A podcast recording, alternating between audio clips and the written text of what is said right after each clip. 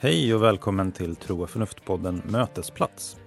Här presenterar vi inspelade föredrag från en föreläsningsserie i Uppsala som heter Mötesplats för teologi, filosofi och samhälle som arrangeras av Newman-institutet, Teologiska fakulteten vid Uppsala universitet och Folkuniversitetet. På www.facebook.com motesplatser finns information om framtida föreläsningar i denna serie. Och Tro och förnuft-podden hittar du på Facebook på www.facebook.com tro och förnuft. Tro och förnuft-podden produceras av tidningen Sändaren i samarbete med Newman-institutet och Teologiska fakulteten vid Uppsala universitet. Och vi som gör podden är jag, Kristoffer Skogholt, samt Peter Berntsson och Erik Åkerlund. Välkommen att lyssna.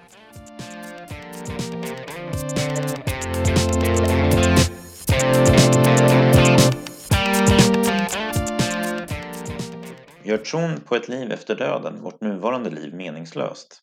Det hävdar den svenska filosofen Martin Hägglund i sin bok Vårt enda liv. I detta föredrag ger Mårten Björk en respons till Hägglund utifrån sin egen forskning om relationen mellan politiskt engagemang och tron på ett liv efter döden hos tre 1900-talstänkare. Björk disputerade 2018 i religionsvetenskap vid Göteborgs universitet med avhandlingen Life Outside Life The Politics of Immortality 1914 to 1945.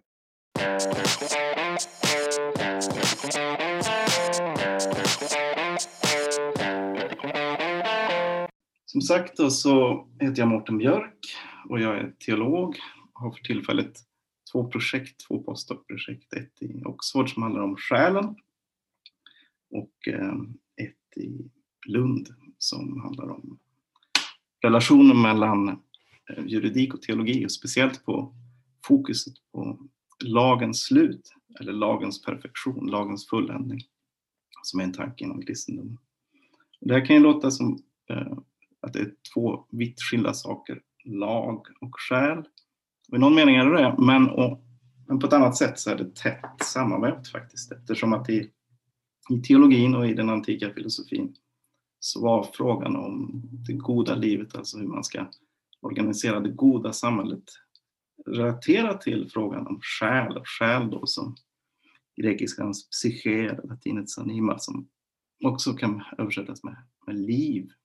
Så frågan om vad som är ett gott liv, hur en själ ska vara utvecklad eller styrd eller ja, hur den ska kunna leva ett gott liv är också då frågan om vad som är det goda samhället och vad som är politiskt rätt eller politiskt rimligt. Så mitt intresse som teolog, eller det som jag främst är intresserad av, är kan man väl säga interaktionen mellan det sekulära och det religiösa, det profana och det heliga. Och det spännande är ju att de här gränserna är ofta väldigt porösa.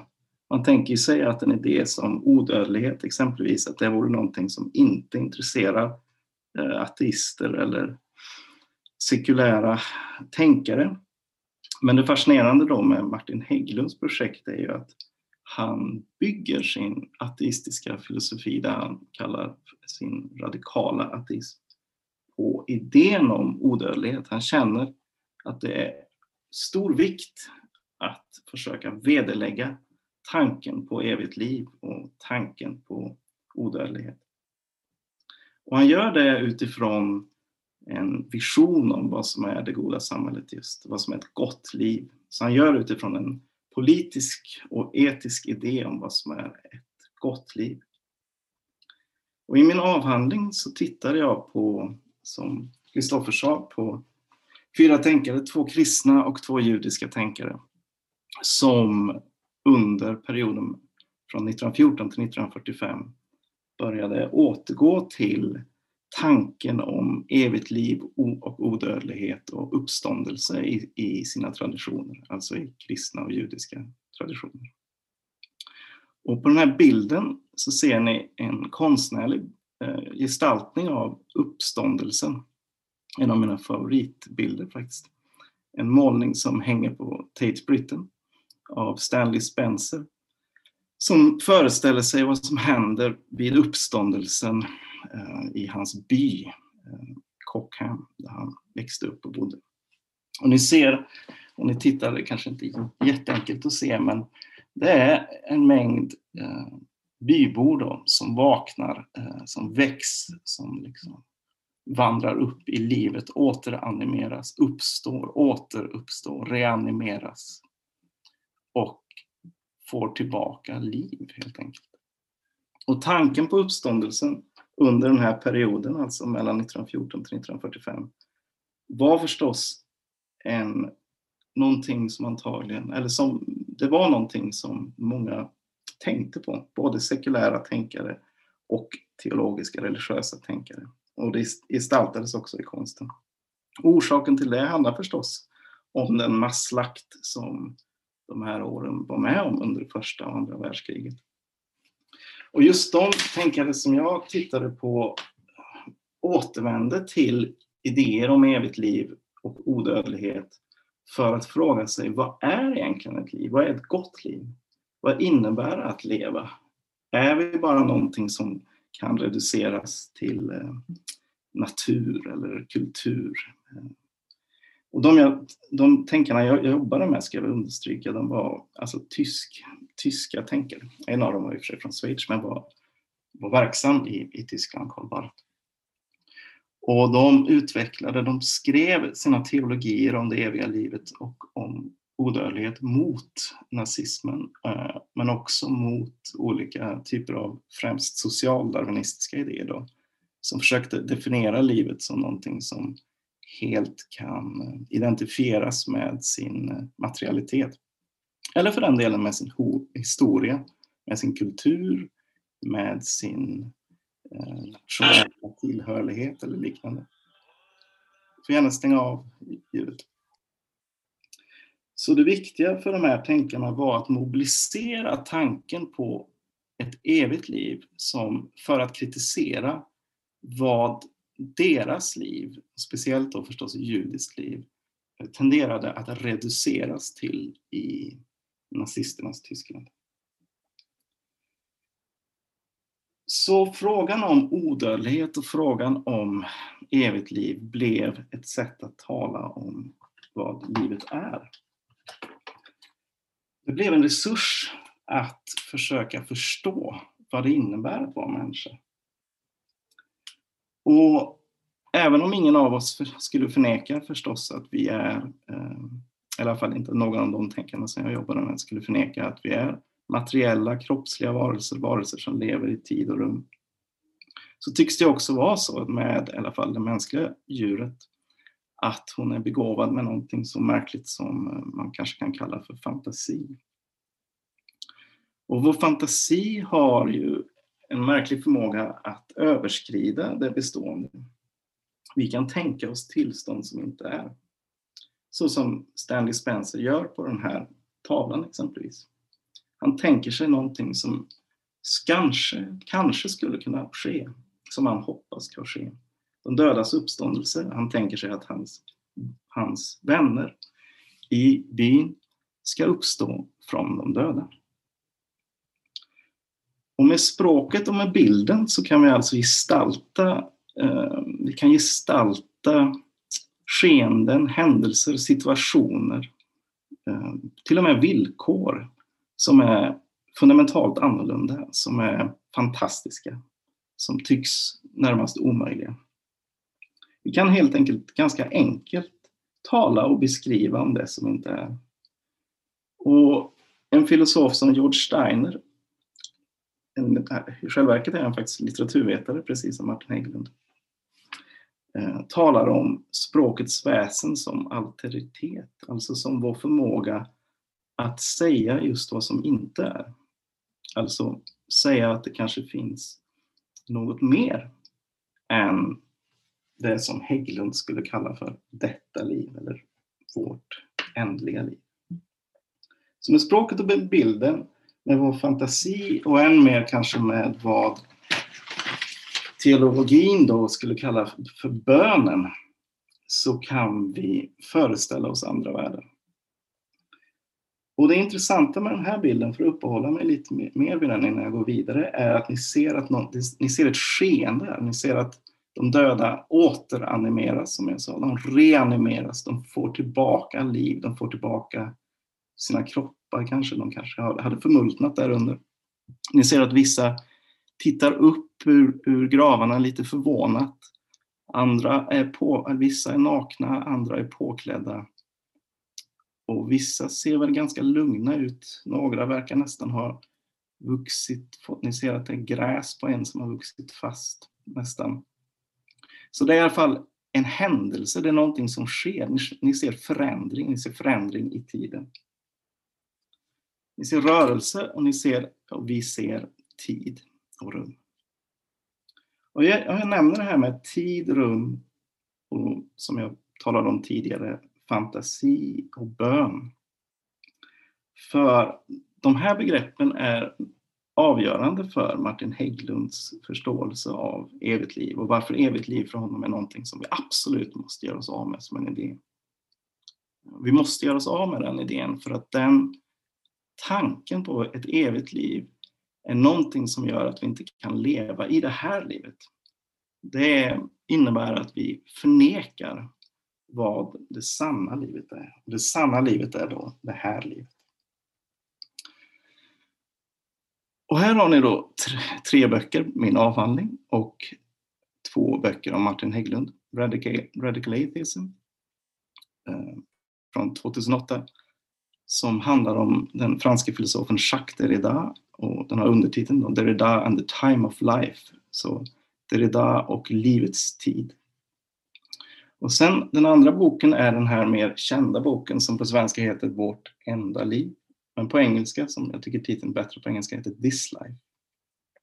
Secular Faith and Spiritual Freedom. Och i mitt, mitt eh, tycke då så är Radical Atheism fantastiskt bra, eller en jätteintressant bok och väldigt intressant läsning av Derrida. Och mycket spännande bok om vad liv är, vad liv och tid är. Och om jag ska vara ärlig så tycker jag väl att This Life är en sämre bok. Eh, och jag tycker det är lite synd att, att Martin Hägglund blev känd först i Sverige med This Life istället. Han borde blivit känd för Radical Atheism, det är en långt mer intressant bok. Och den kom då 2008 och This Life Eh, kom eh, 2019. Eller kom det 2020? Nej, 2019 tror jag. Och orsaken till att jag tycker att, att This Life, eh, boken This Life, eller titeln This Life är bättre än, än eh, den svenska titeln är för att den fångar den fångar på något vis hur Hägglunds projekt medvetet, fast jag tror faktiskt paradoxalt nog att det är väldigt mycket omedvetet, eh, står i dialog med, med den judiska, kristna och förstås även muslimska traditionen. Eller traditionerna. Genom att, att eh, tala om detta liv, this life, eh, som försvinner lite i, i den svenska titeln då, som är vårt, vårt, vårt enda liv. Eh, genom att tala om detta liv så kommer man ju att tänka på eh, Bibeln. Eh, och speciellt Paulus kanske, men även andra delar av Nya Testamentet där vi får höra att den här världen, denna världen, detta liv, denna ålder, denna eon, denna evighet står emot ett annat liv, en, en annan eon, en annan värld, ett annat liv. Det finns liksom ett, ett vad Kierkegaard skulle säga ett antingen eller. Om man, om man, även om man inte gillar Kierkegaard så finns det helt klart en dualitet. Det finns en gammal Adam och det finns en ny Adam. Det finns ett gammalt liv och det finns ett annat liv. Det finns detta liv och det finns ett evigt liv. Det finns ändligt liv och det finns odödligt liv. Och tittar vi till exempel på romabrevet, alltså Paulus romabrev, så kan vi se att där säger till exempel Paulus Anpassa er inte efter denna världen, utan låt det förvandlas genom förnyelsen av era tankar. Så den här världen, eller det här livet, är någonting som man inte ska anpassa sig efter, säger Paulus. Utan vi ska förvandlas. Våra tankar ska förnyas. Låt er förvandlas genom förnyelsen av era tankar. Och grekiskans ord här för denna världen är begreppet ion, som också kan översättas med evighet eller med världsålder eller med en period. Så Paulus säger, anpassa er inte efter den här evigheten, utan låt er förvandlas genom förnyelser av era tankar. Och tankar är ett spännande ord som också kan översättas med intellekt, nos. Eller ja, det är ju relaterat till, tankarna är relaterat till ordet nos. Eh, det är inte det som, det står inte intellekt. Och det viktiga är då att det finns den här världen som Paulus säger att vi inte ska anpassa oss till. Utan vi ska förvandlas, våra tankar ska förvandlas. Och jag ska snart komma tillbaka till Hägglund, men jag vill bara tala lite om vad den här traditionen som han kritiserar, eller den kristna traditionen främst då, som han ger sig på, menar med, med uppståndelse. Eh, och om man kan tänka sig detta liv, ett ändligt liv, utan något annat typ av liv. Om vi tar ett annat citat från Korintier, nu har jag skrivit fel här, men strunt samma ett citat här från Korintierbrevet eh, där vi kan läsa Men om Kristus inte har uppstått, då är, tro, då är er tro meningslös och ni är ännu kvar i era synder. Då också de som har avledit tron på Kristus förlorade. Gäller vårt hopp till Kristus bara detta livet, då är vi de mest ömkansvärda bland människor. Men nu har Kristus uppstått från de döda, som den första av de avlidna. Eftersom döden kom genom en människa kommer också uppståndelsen från de döda genom en människa. Liksom alla dör genom Adam så ska också alla få nytt liv genom Kristus. Sedan kommer slutet, när han överlämnar riket åt Gud, Fadern. Då har han förintat varje välde och varje makt och kraft. Ty han måste härska tills han har lagt alla fiender under sina fötter. Den sista fienden som förintas är döden. Ty allt har han lagt under sina fötter. Det intressanta med det här, med det här citatet är då att, att om vårt hopp till Kristus bara gäller det här livet, då är vi de mest ömkansvärda bland människor. Å ena sidan då för att tron är meningslös om inte uppståndelsen har skett. Så att tron kräver, den kristna tron kräver tanken på uppståndelsen. Alltså tanken på att det här livet kan bli ett annat liv. Att livet kan förändras på ett radikalt sätt, att en uppståndelse av något slag kan ske.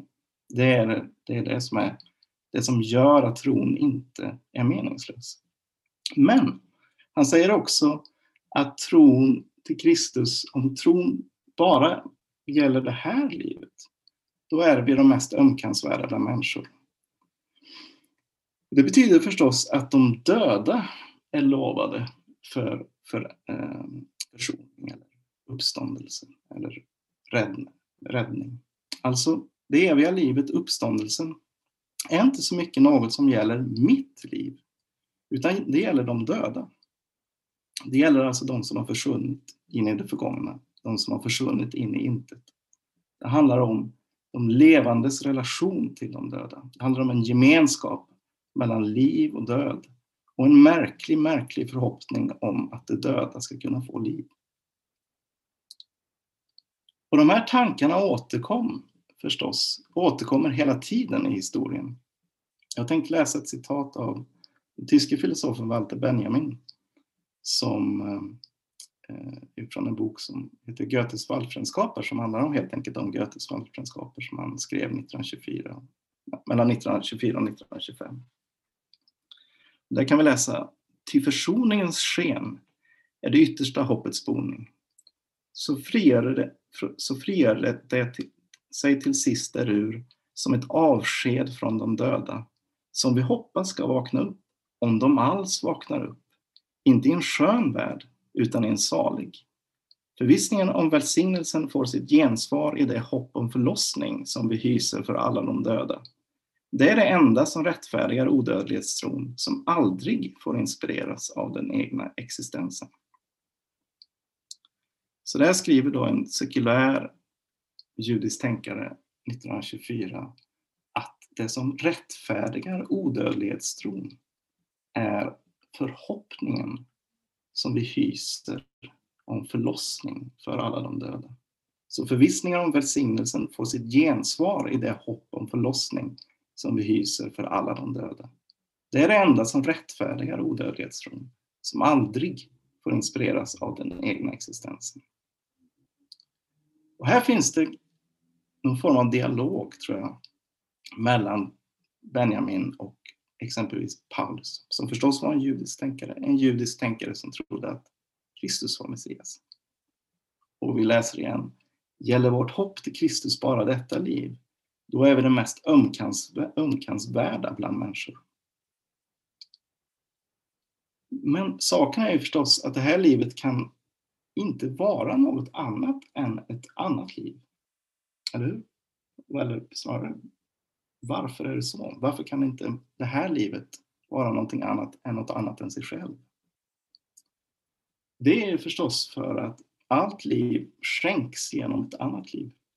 Det finns inget liv som finns till genom sig självt. Det existerar bara i relation till någonting som har varit.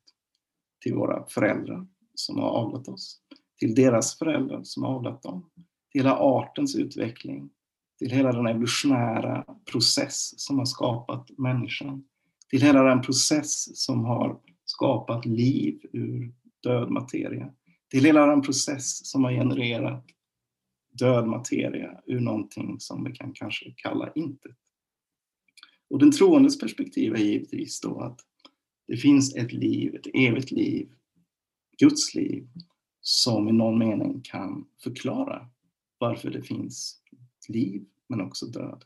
Varför det finns tid, materia, rum. Och därmed varför det här livet aldrig kan vara något annat än ett annat liv. Ett liv som inte kan identifieras med överlevande. För det är som vi kommer se så är det det Martin Hägglund är inne på, att livet är överlevande. Eller self-maintenance som han säger i This Life. Livet är bara någonting som kan finnas i tiden och som hela tiden måste upprätthålla sig själv som ett aktivt arbete för sitt eget överlevande, som en kamp för överlevnad, som ett ständigt behov att anpassa sig till de villkor som gäller. Men tanken på ett liv som istället i någon mening är relaterat till fantasin eller till bönen eller till det Benjamin här kallar odödlighetstron är ett liv som i någon mening är mer än varje försök att reducera livet till vad det är, är nu, här, i denna värld, i denna eon. Kom ihåg då det här. Anpassa er inte efter denna världen utan låt det förvandlas genom förnyelsen av era tankar. Alltså, livet är mer än det som är. Och det är så per definition enligt eh, den här paulinska traditionen. Så låt oss nu då komma till Hägglunds argumentation. Hans grundtanke är att odödlighet är någonting som omöjliggör vårt enda liv. Odödlighet som omöjliggörandet av vårt enda liv. Men vad är problemet? Varför utveckla ett tänkande som försöker förbjuda det Benjamin kallar odödlighetstron? Och varför behövs det vad han kallar för en, en radikal ateism? Varför räcker det inte bara med vanlig hedlig ateism, alltså ett förnekande av Gud och odödlighet? Det tycks ju alldeles absurt att de döda ska kunna uppstå eller att själen kan finnas utan kroppen eller hur man nu tänker sig odödlighet. Det räcker väl bara att säga att det där, det där är liksom bara vidskepliga sagor som ingen förnuftig människa tror på längre. Svaret är då, skriver eh, Hägglund i sin bok om Jacques Derrida, Radical Atheism, och det är en fantastisk bok på många sätt som jag tycker ni ska läsa.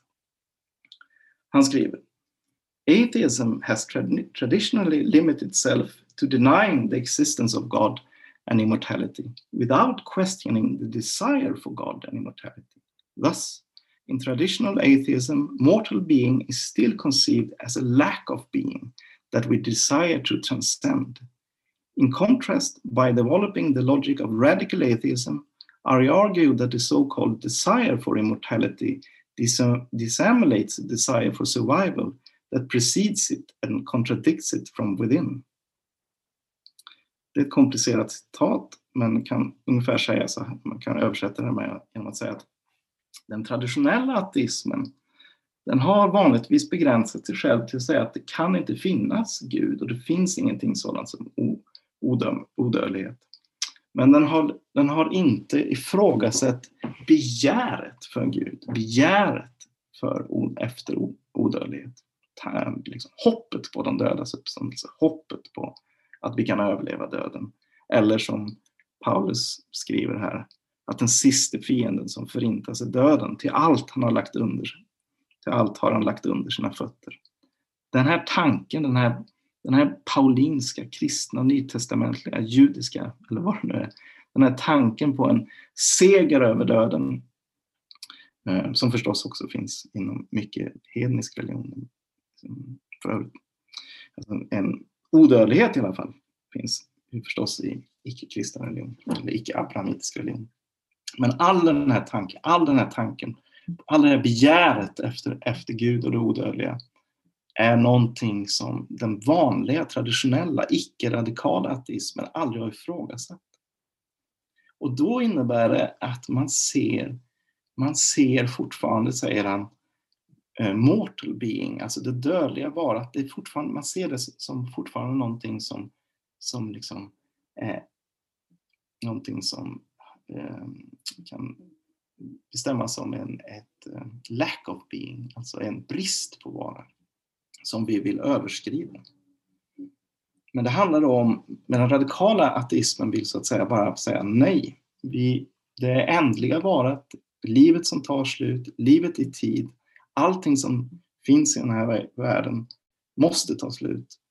Och vi måste utveckla en idé om livet som radikalt dödligt, de, definitionsmässigt dödligt. Det kan inte vara någonting annat än, än ändligt, dödligt, någonting som är i den här tiden, i den här världen. Någonting som inte kan vara någonting annat än det här livet, vårt enda liv. Och sen så lägger han till att the logic of radical atheism, I argue, that the so-called desire for immortality dissimulates the desire for survival that precedes it and contradicts it from within. Och det innebär att han vill analysera varje tanke på odödlighet som ett begär efter överlevande. Som förekommer det här begäret efter odödlighet och motsäger liksom immanent, internt.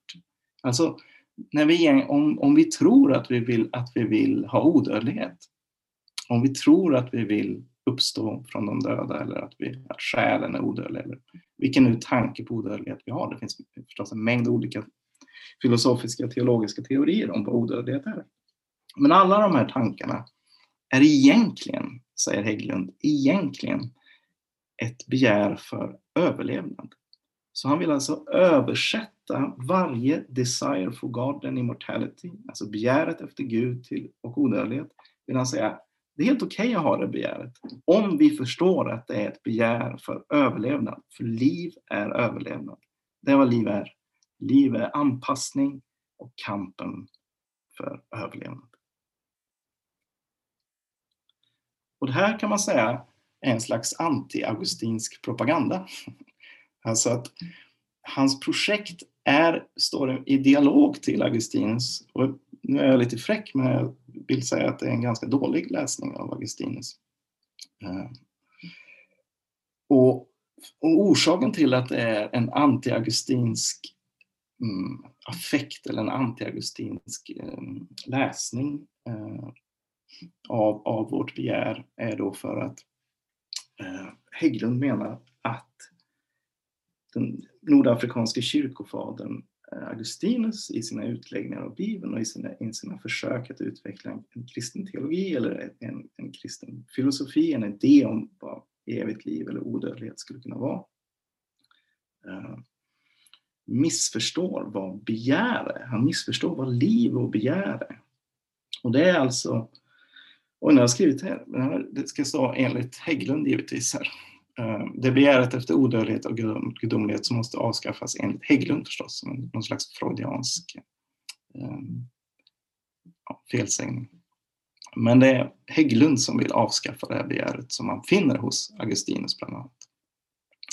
Poängen är då att den radikala ateismen vill få oss att begära det som är det här livet, vårt enda liv, istället för något annat, något som kunde vara, något som kan komma eller skulle kunna vara. Och begäret, menar Hägglund, då, får endast begära det ändliga, det ändliga. Det kan inte ledas bortom ändliga ting. Vi ska fastna eller liksom vara bland de ändliga tingen. Och då skriver han då, som jag sa, atheism has traditionally limited itself to denying the existence of God and immortality without questioning the desire for God and immortality. Och den här anti-augustinska propagandan, eh, som jag kallar det lite skämtsamt då, eh, handlar då om att Augustinus talar om njutning och bruk, frui och uti. Och tanken är mycket enkelt, eller för att, göra det, för att förenkla det väldigt mycket, är att vår kärlek eh, koagulerar bland de ändliga tingen. Vår kärlek är omättlig hunger och vår kärlek är inte vår egen.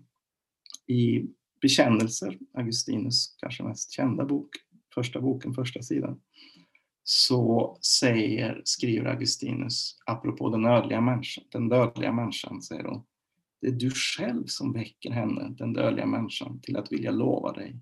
Ty du har skapat oss till dig och vårt hjärta är oroligt tills det finner vila i dig. Tanken är då att det finns någonting gudomligt, en Gud som han ehm, som han lovar eller som, som vi lovar, som människan vill lova, som människan vill, som människan vill närma sig för att finna, för att finna vila och lugn. Evig sabbat kallar han det bland annat. Eller ständig sabbat. Någonting där kampen för överlevnad kan så att säga förvandlas till att vara någonting annat. Och i den här gudomliga vilan, som i någon mening Gud är, i Hebreerbrevet definieras till exempel Gud som katapausis, alltså som en, en, en, en radikal vila. Och den här sabbaten, den här eviga vilan, är vad vi söker. Och utifrån ett religiöst perspektiv är det kanske inte så märkligt att, att tänka sig att det finns någonting evigt eh, som, kan, som kan skänka evig vila. Men man skulle också kunna se det som, man behöver egentligen, man kan se det utifrån ett helt sekulärt perspektiv, ska jag säga, att, våra, att, att det är så att vår, vårt begär, vår kärlek eller vår, våra begär är närmast, närmast eh, omöjliga att, att eh, tillfredsställa. Och då menar då Hägglund att den, den vanliga ateismen, liksom, den erkänner i någon mening att så här är vår, vårt begär. Och det är därför det finns religion, så att säga. Alltså att människor inbillar sig, att de behöver inbilla sig att, att, det behövs, att det finns en slags oändlig vila för vårt oändliga begär. Men som ateist har man då liksom insett det tragiska i livssituationen. Man har liksom insett att den här, den här, det här oändliga begäret kan inte få sin tillfredsställelse i en värld där vi, av ändliga ting. Och för tanken är då hos Augustinus att kärleken inte riktigt kan stanna bland de ändliga tingen. Och kärleken är vår lycka och den är så hungrig och slösande att den inte kan stillas bland ändliga ting. Vi älskar förvisso genom ändliga ting, alltså våra vänner, våra partners, våra barn, våra föräldrar, människorna vi möter, alla ting vi möter, växter, husdjur, allt det här är ändliga, minnen, allt, allt, allt som, som vi möter i tid och rum är förstås ändligt. Och vi kan bara älska genom de här, menar Augustinus. Då, för det handlar om att finna en, en kärlek till det oändliga, till, till det eviga, till det gudomliga. Och idén är då att man ska bruka ändliga ting så att vi lär oss att älska på ett gott sätt, på ett rätt sätt. Där liksom kärleken eller begäret får oss att se någonting som är utanför den här världen, det här, det, det här detta livet. Så frågan som ställs mellan liksom Hägglund och Augustinus är egentligen, ska vi älska mer än det vi har eller älska det vi har? Eller ska vi älska genom det vi har för att kunna älska mer än det vi har? Så ska vi älska mer än det som är här, i detta nu, i detta, i detta liv? Alltså älska någonting mer, älska i slutändan Gud, enligt eh, Augustinus. Då. Eller ska vi älska detta liv? Poängen för Augustinus är förstås inte att förneka kärleken till det som finns, till de ändliga tingen, utan att använda, han använder verkligen ordet bruk, då, att använda dem för att bli bättre älskare och därmed bli bättre människor. Så för Augustinus handlar det om hur kan vi bli bättre älskare? Hur kan vi bli älskare av det oändliga? Det är vårt, så att vårt hjärta får den här vilan. Men varför får vi inte älska då det eviga enligt Hägglund? Varför måste vi lära oss att älska det som är i denna värld? Hägglund citerar Derrida i Radical Atheism där den franske filosofen här i engelsk översättning säger Life does not go without death and the death is not beyond outside life unless one inscribes the beyond in the inside, in the essence of the living. Så poängen är att Hägglunds livsbegrepp börjar med Derrida och därmed med Heidegger som jag kommer komma in på senare. Alltså med en idé om att vårt liv är radikalt ändligt. Det är per definition ändligt. Det är ett liv som måste sluta med döden. Och det är ju förstås sant. Det är ingen som förnekar det. Men frågan är vad det betyder. Och vad det har för verkan på idén om odödlighet. Men odödlighet är alltså för Hägglund död. Eftersom vårt liv är ändligt, det är någonting som är i tiden, så innebär odödlighet död. Allt liv är liv i tiden och förutsätter i egenskap av att det är ett temporalt fenomen möjligheten till förändring. Eftersom tid inte bara möjliggör utan nödvändiggör förändring och förändring förutsätter tid. Och förändring förutsätter också korruption, skada och i sista hand död. Ett liv som vore immunt och det här immunitet är då ett begrepp som Derrida och Hägglund använder. Så ett liv som vore immunt mot varje negativ förändring, mot varje skada och korruption, vore inte ett liv eftersom livet av ren nödvändighet är ett ändligt och temporalt fenomen. Det eviga livet är därför inget liv utan absolut död. Och här har ni då sex eh, gubbar eh, som jag då liksom sätter som tre stycken, eh, eller två stycken förstått, eh, treenigheter mot varandra.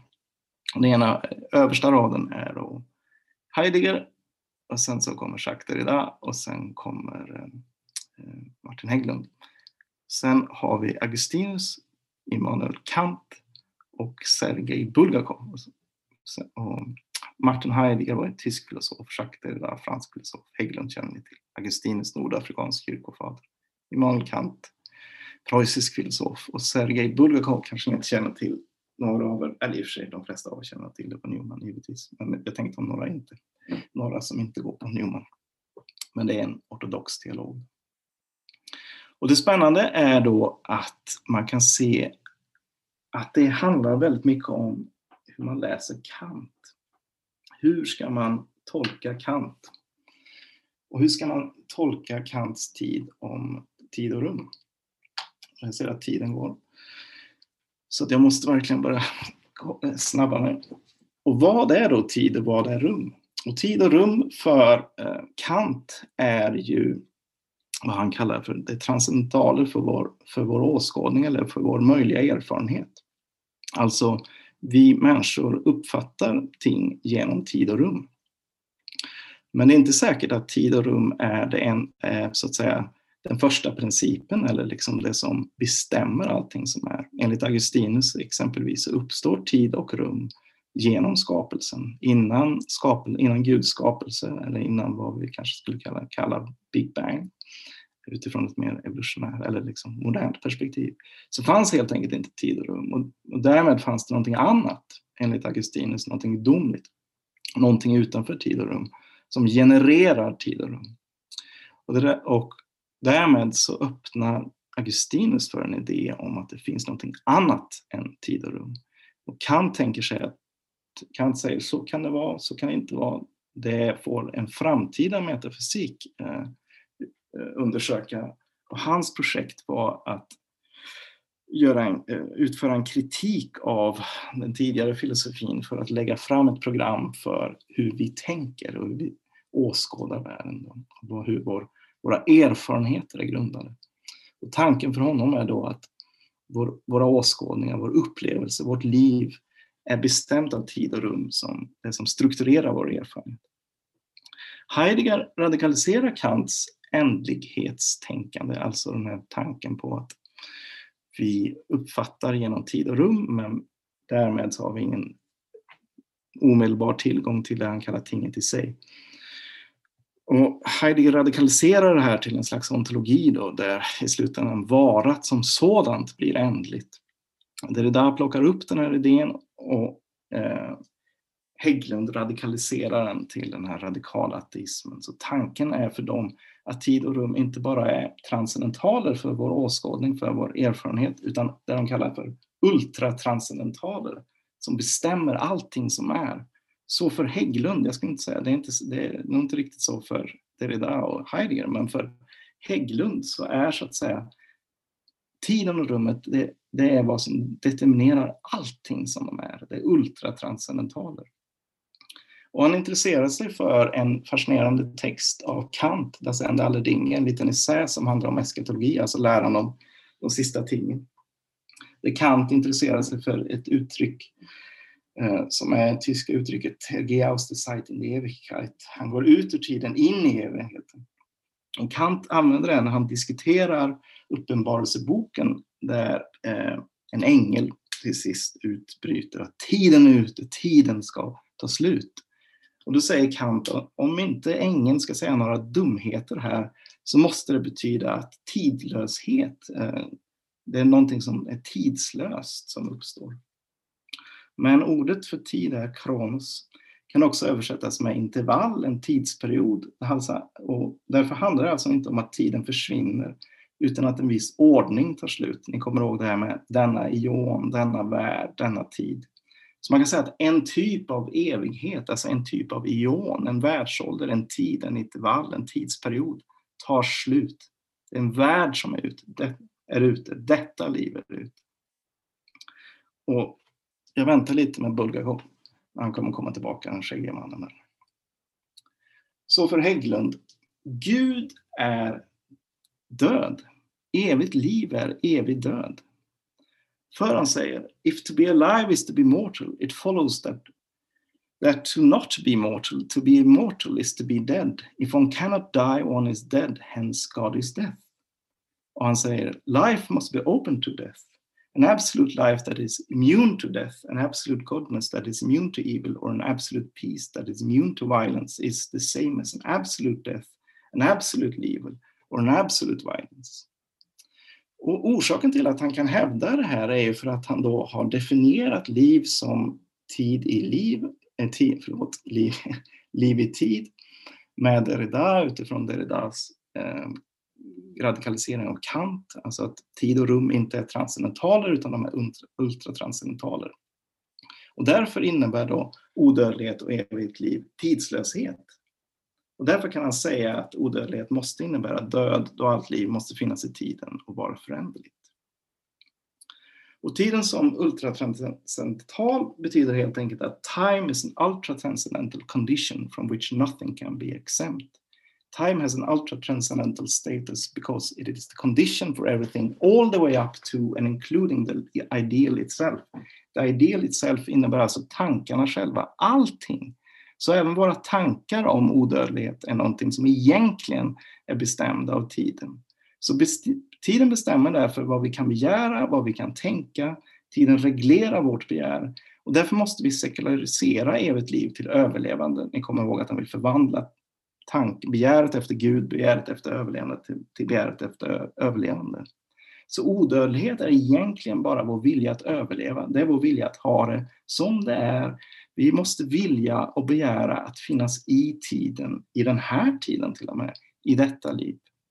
Men i det här citatet som ni ser ovan, time is an ultra-transcendental condition from which nothing can be exempt. Och tanken om att if to be alive is to be mortal, if faultless that not be mortal, to be mortal is to be dead. Det innebär att döden, alltså odödligheten som för Hägglund är döden, är inte märkt av tiden. Det som var, allt det förgångna, alla de döda, det som var är för evigt det som var.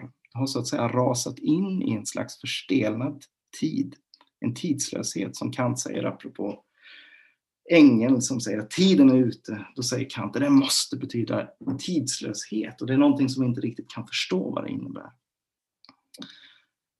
Men då har Hägglund öppnat en plats som tiden inte kan påverka. Döden.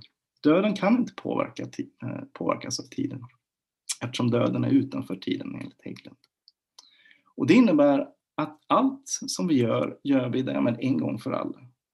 Och det här är vad den judiska filosofen Franz Rosenzweig kallar för det förgångnas form. Alltså allt det vi gör, gör vi en gång för alla. Och evigheten har en form. Alltså att det finns en form av världslig, kan man säga, en sekulär typ av oändlighet eller evighet som är det förgångnas form. För det vi gör har vi gjort en gång för alltid, för evigt. Och den här typen av sekulära oändlighet motsvaras av vårt begärs. Den har skrivit odödlighet, och det är lite roligt, men jag menade oändlighet. Så det som var, var en gång för alla. Det vi gör, gör vi en gång för alla. Inget liv fastnar i sig själv. Det är egentligen aldrig bara mitt liv eller vårt liv. Vi äger inte oss själva eftersom att allt det vi gör, gör vi en gång för alla och därmed i, i, på ett sätt som kan påverka det som ska komma exempelvis. Så varje handling lever i relation till det som var, eh, det vill säga och till det som ska komma. Och det här är relaterat till tre stycken tänkare som jag tänkte man skulle ta upp. Dels, eh, den första är då Ludwig Feuerbach, den, den eh, arge ateisten på 1800-talet som vars liv blev väldigt jobbigt för att han utvecklade en ateistisk filosofi. Där han försökte förvandla tanken på odödlighet till någonting som han kallar för artens eviga liv. I mitten har vi en arg Greta Thunberg. Och sen till sist har vi Chesterton, den katolske filosofen som ung man, som talade om de dödas demokrati. Och ni kommer ihåg den här odödlighetstron som Benjamin pratade om, det vill säga att odödlighetstron inte får handla om den egna, Den får inte rättfärdigas från mitt, min vilja att överleva. Och Hägglunds tanke är just ju att odödlighet kan bara vara rimligt som överlevande, alltså som viljan att överleva. Och man kan se hur arg Greta Thunberg blir här. Om man tänker sig ett liv som egentligen bara finns till för att vara det här livet. Givetvis menar Hägglund i, menar, i This Life, i en utopisk bok eller, som handlar mycket om vad han ser då som en, en möjligheten till en rättvis värld. Så han vill ju givetvis förändra världen för att det här livet ska kunna blomma, kanske på ett sätt som Feuerbach tänkte sig då, att artens eviga liv. Men det intressanta är mer att hans tanke om tiden gör att det är möjligt att tänka sig att varje handling förevigar inte bara vad som skedde, utan lika, lika mycket vad som inte skedde. Och förevigar därför alltid en oändlig mängd, oändlig mängd möjliga världar som hade kunnat förverkligas. För som vi har sett, eller som i alla fall religionen indikerar, eller bönen indikerar, är ju att... 是我国第一座国家级的文学百年历史的古迹，落成于一九一六年，在两千零三年十月十。Kan du? Ja.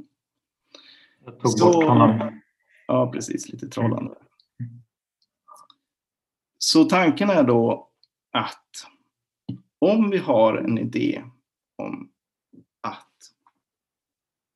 vårt begär kan överskrida det, de ändliga tingen som Augustinus säger. Eller som Paulus, ni kommer ihåg där, citatet i början. Um, Anpassa er inte efter denna världen utan låt er förvandlas genom förnyelsen av era tankar. Och den här förnyelsen av våra tankar är förstås en förnyelse också om vad som har varit. Vad som vi egentligen kanske borde ha gjort i det förgångna. Det vill säga, tiden och det som har varit blir inte bara någonting som har försvunnit i ett intet, bara har suddats ut. Utan det där finns kvar. Det finns kvar som någonting som Chesterton kallade, han sa, traditionen är de dödas demokrati. Det är alltså någonting som gör att de levande och de döda finns i en relation, i en stark relation, där det är oklart vad som är vad. Och för de religiösa är det här förstås kopplat till tanken på att det döda har inte bara suddats ut, det har på något märkligt mystiskt sätt eh, inlämnats i Guds eviga liv. Men man kan se det mer sekulärt skulle jag säga, eh, även om jag själv inte gör det. Men man kan det, som Feuerbach exempelvis, och säga att allt vi gör har konsekvenser i all evighet. Det är därför han talar om den här artens eviga liv. Och att begränsa vårt begär, som ju Hägglund gör, han säger uttryckligen, att vårt begär måste begränsas vid de ändliga tingen. Och de ändliga tingen är ju det som är i tiden. Då stänger han ute allt som har dött, allt som skulle kunna vara. Eftersom det som skulle kunna vara knappast är i tiden, det är någon annanstans. Vart det är vet vi inte. Det är någonting som så att säga komplicerar tanken på tiden som en ultratranscendental, alltså tiden på någonting som verkligen definierar allting. Och därför är det viktigt att komma ihåg att för Kant så var ju tid och rum bara någonting som definierar vårt tänkande, vår erfarenhet. Han säger aldrig att det här är metafysiska storheter som liksom bestämmer allting. Det är mycket möjligt, menar Kant, att det, att det kan finnas någonting annat än tid och rum. Det är bara väldigt svårt för oss att förstå det. Det är omöjligt för oss att förstå det. Men, skriver ju, menar ju Kant, vi kan tro på saker som vi inte kan förstå. Det vill säga, förnuftet har en gräns där tron öppnas. Det här kan man förstås kritisera för att han gör en alltför skarp gräns mellan tro och förnuft. Men det är en annan fråga. Det viktiga är här att han visar hur vårt förnuft eller vårt tänkandets gränser inte kan eh, innebära att vi så att säga tar vår erfarenhet av tid och rum så som det som är sant. Eller vår erfarenhet av det här livet så som det enda livet. Så vårt begär och vårt tänkande, våra böner eller våra förhoppningar, vår konst, vår fantasi, vår mänsklighet i någon mening stannar inte, vad som är, inte vid vad som är. Vi kan begära mer än det som är. Vi kan till och med önska att saker inte hade varit som de blev. Och därför kan man fråga sig om eh, eh Martin Hägglund radikala ateism är radikal ateism eller om det är en slags dekonstruerad och genomanpassad kristendom. Den eh, argentinske filosofen Fabian Ludjuana Romandini skriver i sin bok La Comunidad de los Espectros att den radikala ateismen är den mest anpassade kristendomen som man kan tänka sig. Alltså en som fullständigt dekonstruerat sig själv för att passa vårt sekel. Och kom ihåg nu att sekel, är, det har jag inte sagt i och för sig, men sekel är också ett sätt att översätta värld. Det är också ett sätt att tala om den här världen, den här tidsåldern, den här ordningen, det här livet. Så för Fabian blir alltså den radikala ateismen en slags småborgerlig eller genomanpassad eller dekonstruerad kristendom som helt har förlorat kapaciteten att tänka sig ett annat liv. Eller den här artens eviga liv. Eller de dödas demokrati. Eller det som Fabian kallar för en spökgemenskap, en comunidad de los espectros. En gemenskap mellan de döda och de levande. Så hans, Hägglunds ateism är alltså en ateism som säger stopp, inte längre, du får inte tänka någonting annat än det här livet, än den här tiden, än den här världen. Medan Kants antinomier, alltså de här motsättningarna som Kant utvecklar i sina tre kritiker som är fantastiska böcker, de öppnar upp för vad, vad faktiskt Josef Ratzinger i introduktion till kristendomen, han kallar det för ett radikalt tvivel. Ett tvivel på att den här världen är den enda, att det här livet är den enda. Så det paradoxala med Hägglunds projekt är just att det är en kristendom som anpassat sig fullständigt för att passa det här, det här livet och därmed glömt bort att det skulle kunna finnas ett annat liv, en annan värld, en annan tillvaro. Istället så stängs den här förmågan att med Kant och därmed i någon mening med hela filosofihistorien börja undra om det finns någonting annat. Ratzinger skriver i introduktion till kristendomen som är en fullkomligt enastående bok. Han skriver om, han berättar om, eh, han tar det från Buber, Martin Buber, den judiske filosofen som berättar om en man som uppsöker en rabbi, jag måste bara kolla på klockan. En, en man som uppsöker en rabbi, en sekulär man som säger hur är det, hur kan jag tro på det här? Hur, hur kan vi tro på, på att det finns en Gud? Och rabbin säger det kanske är sant. Och det här kanske är kanske ett ord som nog många troende kanske, inte, kanske tycker är för svagt eller för någonting som kan verka otillräckligt. Men Ratzinger tycks i meningen, mena då att det här kanske kan införa ett slags tvivel. Men ett produktivt tvivel som får oss att se att tiden och tiden och rummet kanske inte är det enda. Det kanske finns någonting annat. Kanske finns det andra typer av liv. Kanske finns det någonting annat än på den här andra sidan gränsen som vi kallar döden. Så Hägglund, om jag ska vara riktigt ärlig, ärlig, han vet faktiskt inte vad odödlighet eller evighet innebär. Jag vet inte vad det beror på. Jag vet inte om det beror på att han inte har bekantat sig med antika språk eller att han helt enkelt inte ägnar sig åt att verkligen lära sig någonting om, om teologi. Det kan ju låta hårt, men han tror att eh, de latinska, hebreiska, grekiska begreppen för eh, evighet och odödlighet innebär tidslöshet. Men det har ingenting med tidslöshet att göra. Utan evigt, evigt liv innebär en ny tid, en ny himmel och en ny värld. Det innebär uppståndelse. Den insikt att mitt eller vårt liv aldrig är vårt eller mitt, utan allas liv. Det har jag skrivit även också, det vet jag inte varför jag har gjort. Det kan vi se som någon slags mystiskt tecken. Och den här bilden är återigen en bild på uppståndelsen av Stanley Spencer. Och precis som den första bilden så ser ni här förändring. Uppståndelse, ni hör ordet uppståndelse. Det är någonting som sker i tiden.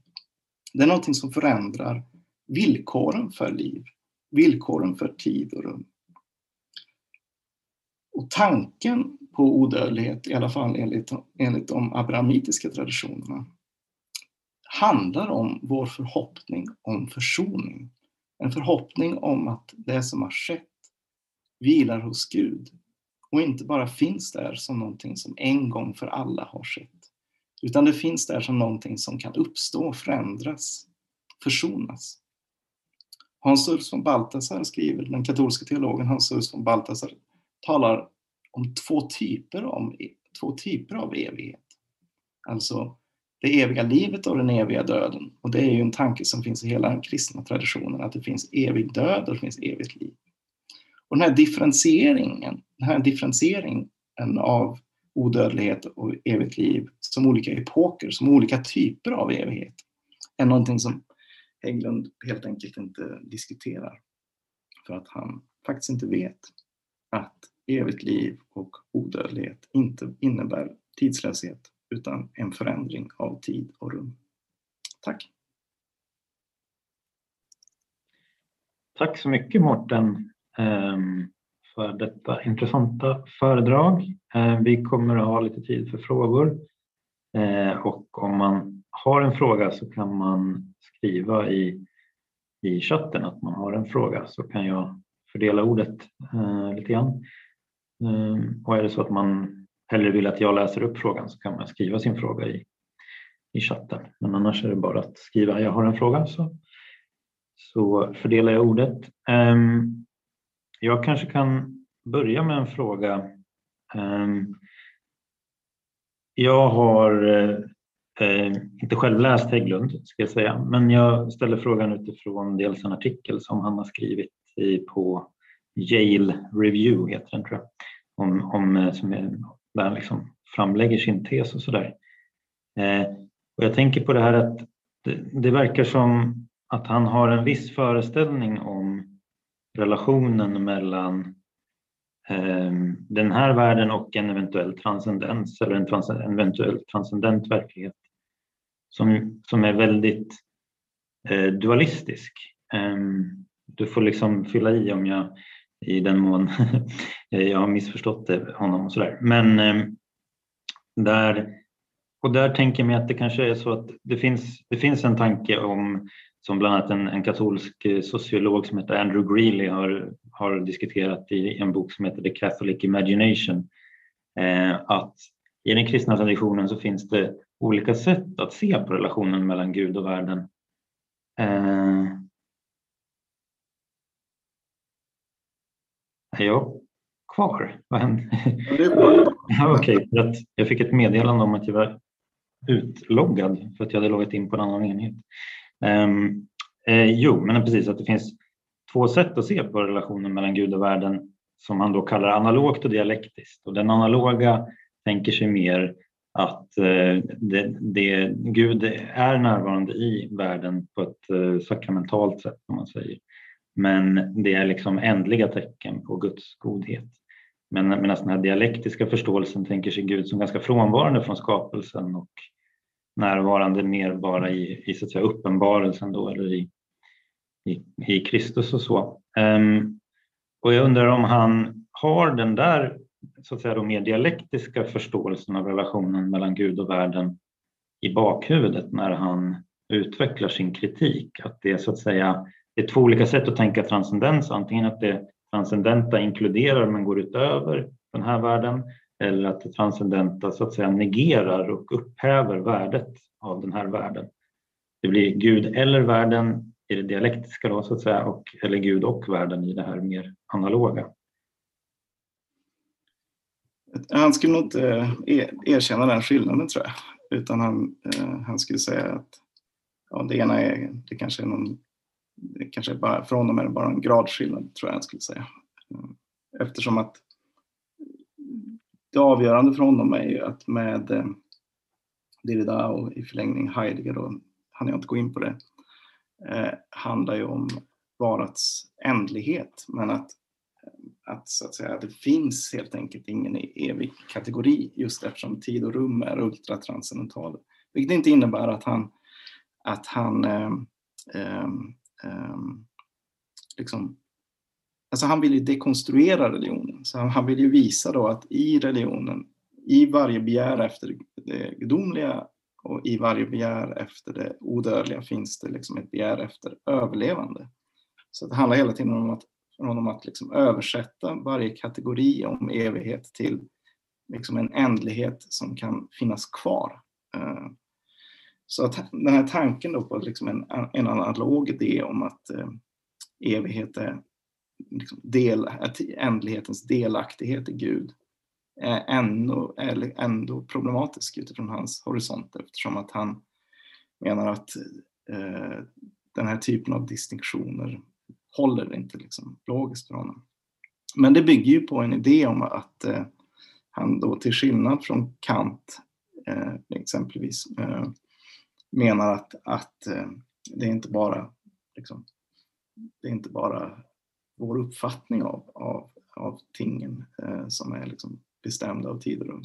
Och jag menar även om man, jag skulle nog liksom hålla med många kosmologer, Liz Molin till exempel och andra menar ju liksom att alltså, ja, rakt igenom sekulära, Liz Molin är ateist också, eh, menar ju förstås att tid och rum är eh, Eh, inte bara åskådningsformer utan eh, storheter som har liksom en som, som bestämmer eh, livet helt enkelt.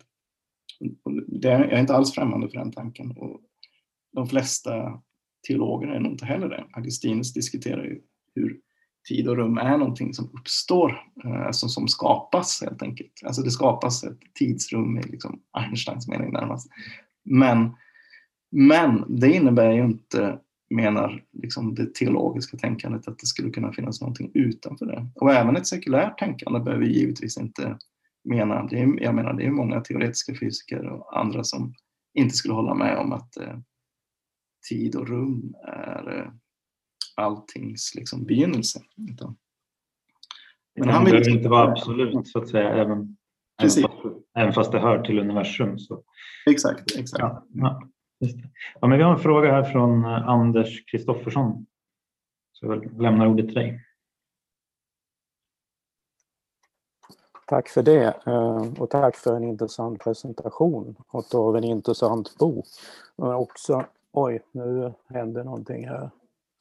Eh, men också för din uppsats i Svensk teologisk kvartalsskrift. Och, Eh, min fråga är egentligen i marginalen, men jag blev lockad att ställa den när jag läste din uppsats, för där tog du för att referera till Keynes. Och jag är i grunden nationalekonom, även om jag efter pensioneringen i åtta år läst teologi. Så att jag har ju tagit del av Hägglund både som någon slags teolog och ekonom. Men där tar ju Keynes upp, och det är ju fascinerande den här gravskriften på städerskan, liksom att eh, evigheten är det här friheten, från att göra, är friheten att göra ingenting. Men sen finns det ju annat här hos Keynes, nämligen att om människors eh, eh, strävan efter överlevnad eller toil eller arbete, alltså när vi, lever, när vi har lämnat knapphetens samhälle bakom oss, då så, och du har ett citat där, då eh, upplöses på något sätt det ekonomiska problemet. Du skriver “If the economic problem is solved, mankind will be deprived of its traditional purpose”. Eh, och det är ett citat från Keynes. Då, eh, det som är intressant med eh, Hägglunds bok att den är ju två delar och man diskuterar egentligen bara en del i taget. Du har diskuterat den första delen alltså den religionsfilosofiska och liksom underförsörjda teologiska delen. Men den sekulära vänstern diskuterar den andra delen som just har att göra med när vi har lämnat bakom oss knapphetens samhälle och när inte då drivkrafterna finns kvar, hur vi rör oss mellan frihetens och nödvändighetens rike. Det är ju ett annat tema hos honom där och eh, Ehm, ja, det var en reflektion som jag gjorde när jag läste din artikel. Jag trodde du skulle göra mer av detta, men det är väl naturligt att man koncentrerar sig till, till eh, religionsfilosofin och teologin. Ehm, och det tackar jag för. Tack för en fin genomgång.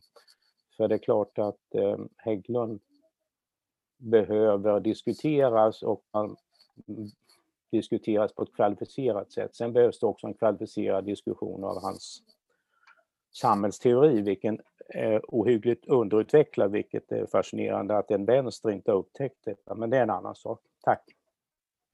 Det var bara en kort kommentar. Jag kommer ju inte egentligen in på eh, föredraget. Det här föredraget heter Politik och odödlighet. Så tanken var förstås att fokusera lite mer på ja, varför den här odödlighet har varit en politisk idé. Bara lite snabbt där kan vi liksom börja med. Ja, men om vi tar Eh, staten av av eh, Platon exempelvis så avslutas den med myten om er som är en myt om, om själens odödlighet. Där Platon då menar att för att vi, för att vi ska ha, kunna ha ett gott samhälle behöver vi också liksom en idé om, om relationen mellan de döda och de levande. Eh, och det fascinerande är att de här tankarna återkommer. De återkommer verkligen hela tiden och de återkommer också i, i, i sekulärt tänkande. Och det är därför som eh, Hägglund liksom antagligen känner sig manad att skriva den här boken även om det är nog väldigt få egentligen som tror eller som går runt och hoppas på att de döda ska uppstå. Eh, det, är, det är kanske inte så många som gör det, kanske inte ens så många kristna som tänker sig att när som helst sker det, eh, de döda uppstår. Men han gör det här eftersom att tanken, skulle jag säga, tanken om odödlighet, tanken om evigt liv är faktiskt någonting som fortfarande strukturerar Eh, vad vi vad som är ett gott samhälle, det vill säga relationen mellan levande och dött. Och än mer relationen mellan det existerande och det icke-existerande. Alltså fantasins förmåga att överskrida de ändliga ting.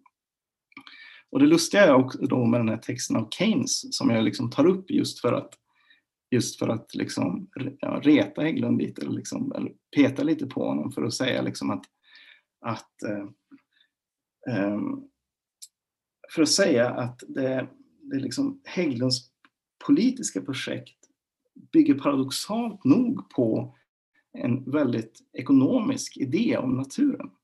Det vill säga, eh, jag tror att de flesta av oss här accepterar liksom, eh, evolutionsläran och tanken Darwins tes om anpassning och så vidare. Jag gör det i alla fall. Det är så skulle jag säga, att livet till stor del är tyvärr en, en kamp för anpassning och en kamp för överlevnad. Men det är ju inte bara det.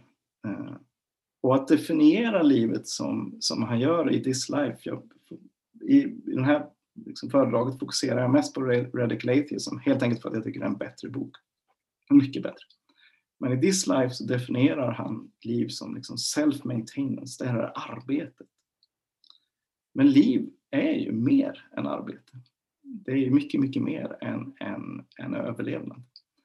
Och det finns, skulle jag säga, en paradox där då mellan hans liksom vilja att å ena sidan kritisera liksom, ja, ja, kapitalismen eller vad man ska kalla det och, eh, och samtidigt liksom ha en idé om livet som egentligen bara är den här nyttomaximerande överlevande maskinen. Så. Och det tyckte jag var lite roligt då att, att liksom Keynes, han diskuterar faktiskt det. Och han liksom diskuterar att, att eh, med framväxten av ett välfärdssamhälle, med kortare arbetsdag, med ett liv där människor eh, får mer tid till tänkande, så skriver Keynes att den gamla Adam som Alltså den gamla Adam hamnar i kris. Och det är också relevant för att eh, komma ihåg att alla de här teologiska diskussionerna var eh, ekonomiska och politiska idéer helt enkelt. Det vill säga att förhoppningen om vila, om, om sabbat, var förstås en förhoppning för ett folk som hela tiden tvingades att arbeta väldigt hårt. Det var liksom en, en förhoppning för ett, om, ja, Eh, en längtan efter ett annat liv. Det är ju inte en slump att fallet beskrivs som ett tillstånd där mannen måste arbeta och där kvinnan föder i smärta. Så det finns alltid en relation mellan teologi och politik. Helt enkelt. Och odödlighet och politik. Mm. Vi har fått en fråga från Peter eh, Appelgren eh, om frågan om är det, behöver den kristna tron bara en tanke på uppståndelsen, eller behövs en faktisk uppståndelse? Mm.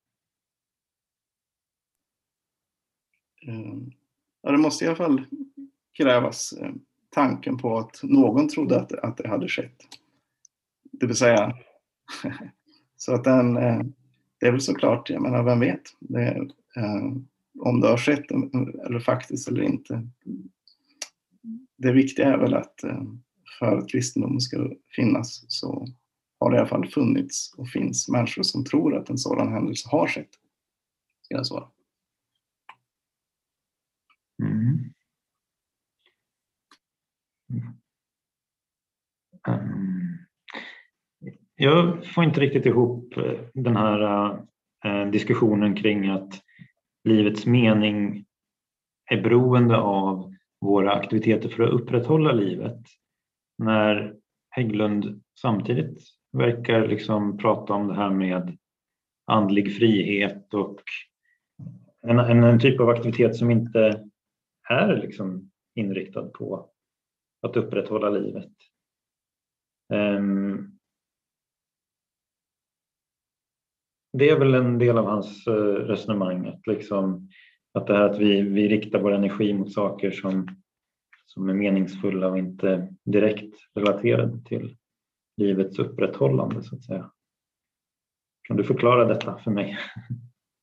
Uh, jo, men det är väl mer i, i, i This Life han diskuterade, men även i radical atheism får man väl in på den typen av tankar. Eh, och tanken med det är väl förstås då att eh, liksom det goda livet är just ett liv som, eh, som kan innebära, eller eh, som kan innebära eh, otium, som ju alltså vila helt enkelt. Eh, kontemplation. Och i den meningen så står han ju i någon form av aristotelisk tradition och där finns det också en tanke till Justinus förstås som, som, som definierade då himmelriket som ett tillstånd av vila, otium. Skillnaden är då att han liksom inte kan, han vill liksom förbjuda och det är ju märkligt. Jag tycker att det är märkligt helt enkelt att han vill liksom förbjuda. För det är verkligen det han vill göra, tanken på att, att, eh, att den här liksom vilan skulle kunna vara konstitutiv. Utan han menar liksom att det är, alltså det är ju en sak att säga som de, ni kommer ihåg att han skiljer på ateism och radikal ateism. Han vill, ju, han vill inte bara säga att det är naivt av de här religiösa människorna att gå runt och hoppas på att det ska komma ett tillstånd där den här vilan liksom inte kommer som en slags, som grädde på moset. Liksom. Alltså efter sex dagar, ja då har, då har vi liksom söndagen där vi kan ta det lugnt sådär, eller på fredagskvällen så kan vi läsa lite Aristoteles och titta på ja, Netflix eller vad man nu vill göra. Men, men liksom att tro som de här galna kristna gör, att liksom att eh, vilan ska kunna vara konstitutiv för livet. Liksom. Det är bara dumt. Men han vill inte bara säga att det är dumt, han vill säga liksom att det är förkastligt. Radikalt förkastligt. Den radikala ateismen vill säga att liksom varje idé om att vårt liv skulle kunna se ut på ett fullständigt annorlunda sätt. Som till exempel Augustinus, han diskuterar ju i, i Dissertatet är Guds stad, jättefascinerande och ganska udda beskrivningar han pratar om liksom, eh, hur våra han, han, han, säger att de uppståndnas lemmar kommer, kommer liksom inte vara ägnade åt, han kallar det faktiskt nödvändigt bruk, utan det kommer vara liturgiskt, det kommer vara en del i liksom den här himmelska ordningen. Och då kan man tycka, som, som religiös då, så kan man ju liksom förföras av den tanken och tycka att det, att det handlar om att han försöker tänka ett tillstånd bortom för tiden och rummet. Som man liksom kanske kan åtrå. Eller som rakt igenom sekulär människa så skulle man, skulle man åtminstone kunna tänka sig att han åtminstone försöker tänka sig en, en han försöker åtminstone kritisera de kategorier som, som liksom Hägglund menar att vi får inte tänka utanför de här tankarna. Och det blir något slags märkligt tankeförbud där, som i mina ögon, speciellt med tanke på att han är litteraturvetare och så, alltså han stänger ju fantasin, han stänger ju vägen för konsten. Alltså Stanley Spencers liksom, målningar. Jag skulle säga att de blir lite tråkigare om, om, om, om det inte skulle finnas någon människa som åtminstone skulle hoppas på att på att byborna i liksom Stanley Spencers by faktiskt reste sig upp ur graven.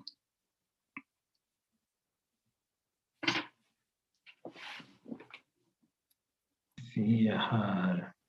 Fick en fråga från Tommy Olofsson tror jag. Um, hur kommer det sig att Hägglunds filosofi välkomnats så väl av så många? Vad kan det tänkas spegla i vår samtid?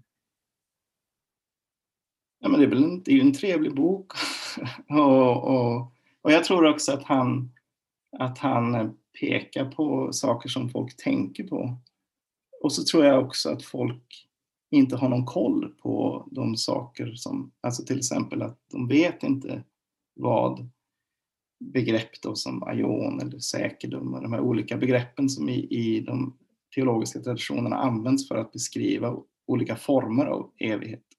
Så att jag tror att det blir väldigt så här kraftfullt eh, eh, när han liksom försöker säga att ditt liv, det här livet här och nu eh, är, är liksom vad som är intressant. Men om man tänker efter, även utifrån liksom ett strikt världsligt perspektiv, eller så världsligt, men sekulärt perspektiv, så skulle jag säga liksom att det är ganska futtigt.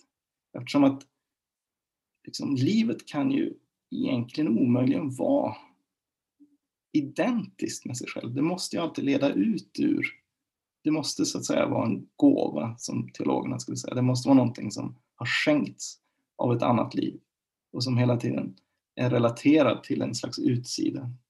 Det måste vara ett liv som, som pekar ut ur sig själv. Och då skulle Hägglund säga, ja, det är okej, okay, jag köper det, men det kan inte peka ut ur tiden eller, och det kan inte peka utanför rummet. Men varför? Han har inga bra, alltså, det, han har inga bra argument för det, utan det är ett postulat. Det är ett postulat att, att eh, livet måste vara ändligt, eh, spatialt och temporalt. Anders Kristoffersson hade en kommentar till.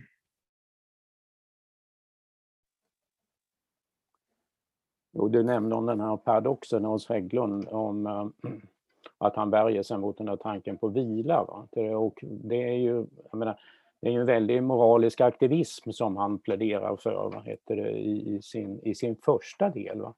Men då vill jag koppla till den andra delen om hans diskussion om frihetens rike, för det är någonting annat, för det har ju åter till det som Keynes sa, att när knappheten har försvunnit och människor och när folk då naturligtvis i en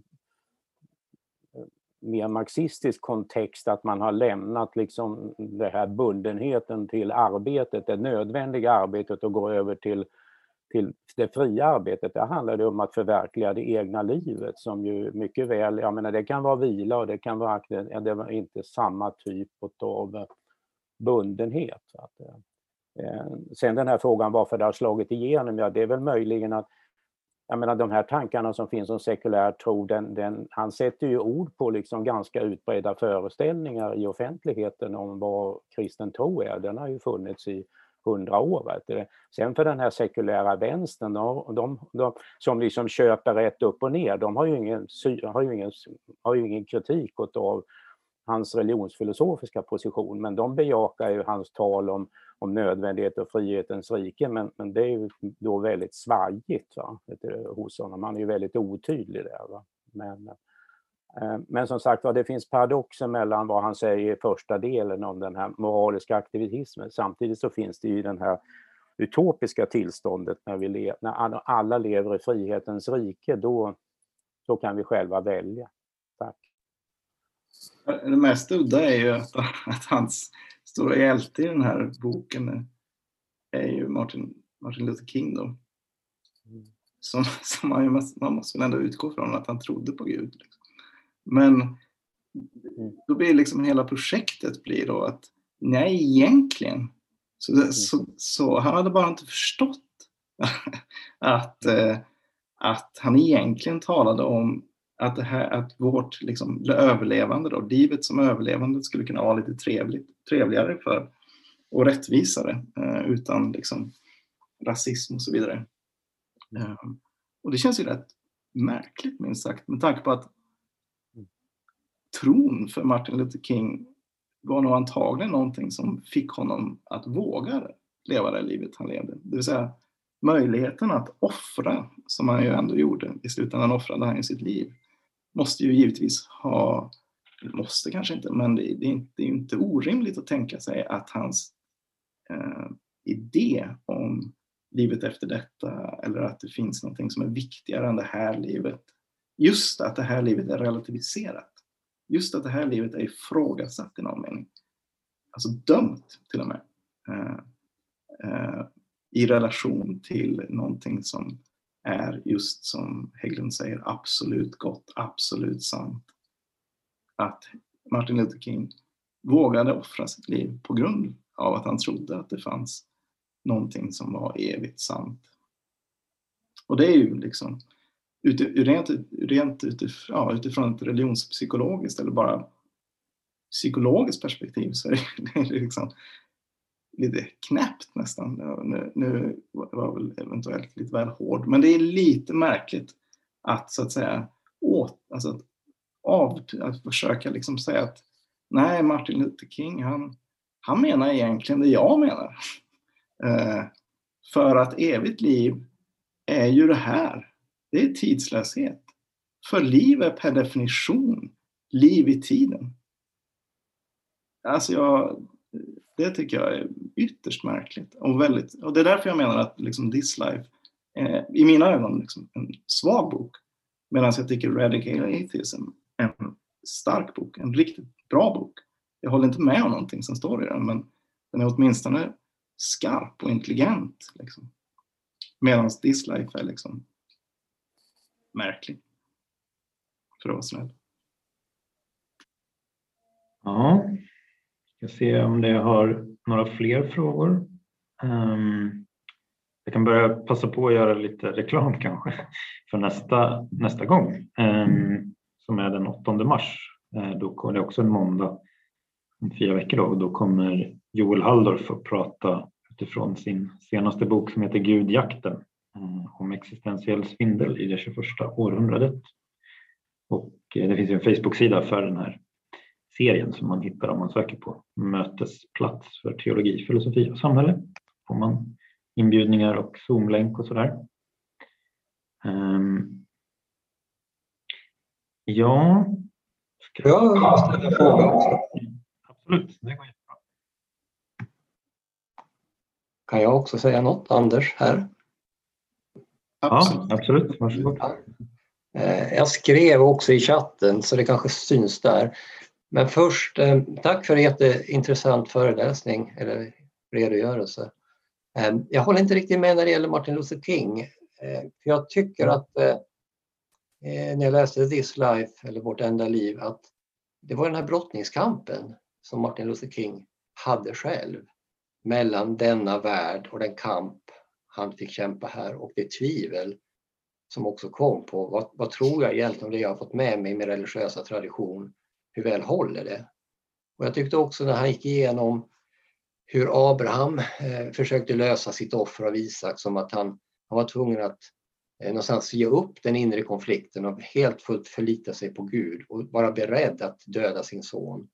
Och sen går han vidare till Augustinus och Kierkegaard och tycker jag visar på motsägelsefullheten, hur de får kämpa med hur de ska få ihop att, att älska detta, som man säger, det ändliga, enda liv och förhålla sig till sin tanke kring ett evigt liv, ett, ett, en, en evighet och en, en Guds värld. Eh, jag skulle gärna höra dig. Jag tycker att det, det, det här det blir som levande och kött och blod för mig på något sätt. Att, att de kämpar med det och jag tycker också att Martin Hägglund beskriver det som i sitt sommartal, hur, hur han liksom kämpar med detta. Hur, hur, kan jag, och där ligger nära min egen erfarenhet, vilket liv är det som blir levande i mig. Vad är, vad är det för frågor jag behöver brottas med? Och jag tyckte det var intressant att läsa i This Life, just kring den här brottningskampen. Mm. Mm. Jo, det är sant. Det, det, tycker jag också är intressant. Men brottningskampen är avgjord i hans projekt eftersom att han har stängt tanken på att, eh, på att det kan finnas andra typer av eh, konfigurationer för naturen. Det är ju det som är projektet med det är därför det är viktigt att man kan, liksom, jag tror inte att man kan förstå hans filosofiska projekt om man inte tar eh, radical atheism på, på, alltså om man inte läser This Life genom hans tidigare mer filosofiskt liksom, eh, djuplodade böcker. Och projekt, projektet, hans projekt, och det, det ska man ta på djupt allvar och, och liksom respektera. Hans projekt är, som, som jag visat i de här citaten, det är ingenting annat än att säga att liv, alltså radikal ateism, är att acceptera att livet är ändligt. Och det är såklart att det innebär ehm, eh, komplikation som, ja, som man visade i sitt sommarprat och så vidare. Det innebär liksom en, en sorg inför, inför det som har dött och så. Det ifrågasätter jag inte. Men det jag ifrågasätter är hans läsning, speciellt då av Augustinus och av, och av, och av eh, Martin Luther King. Och jag skulle säga att det finns en sentimentalitet i, i hans projekt eftersom att, han, eh, eftersom att han utestänger tanken på att eh, alltså han utestänger den förändring som, av livet som de abrahamitiska religionerna, kanske speciellt eh, den paulinska och augustinska traditionen fokuserar på genom att säga att det finns någonting annat än det här livet. Så brottningen skulle jag ju påstå kan ju bara börja, alltså brottningen för Augustinus till exempel handlar ju om förstås om, om eh, fördömelse, det vill säga att om du är dömd till, till evigt liv eller evig död. Det är en helt annan typ av, av eh, existentiell ångest. Martin Luther King kan jag inte lika mycket och det var ett tag sedan jag eh, läste This Life så jag kan liksom inte gå in på närmare där. Men jag tycker inte att det är, jag tycker inte att det är en övertygande läsning.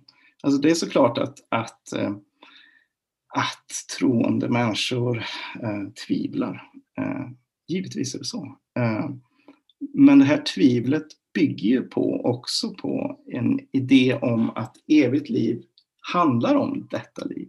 Det vill säga att tvivlet för den troende, och inte bara egentligen inte för den troende, men tvivlet för den som helt enkelt inte accepterar Eh, jag, jag skulle vilja hävda liksom att man kan ha en sekulär förståelse av evigt liv. Det var därför jag tog upp Feuerbach som, som artens eviga liv till exempel.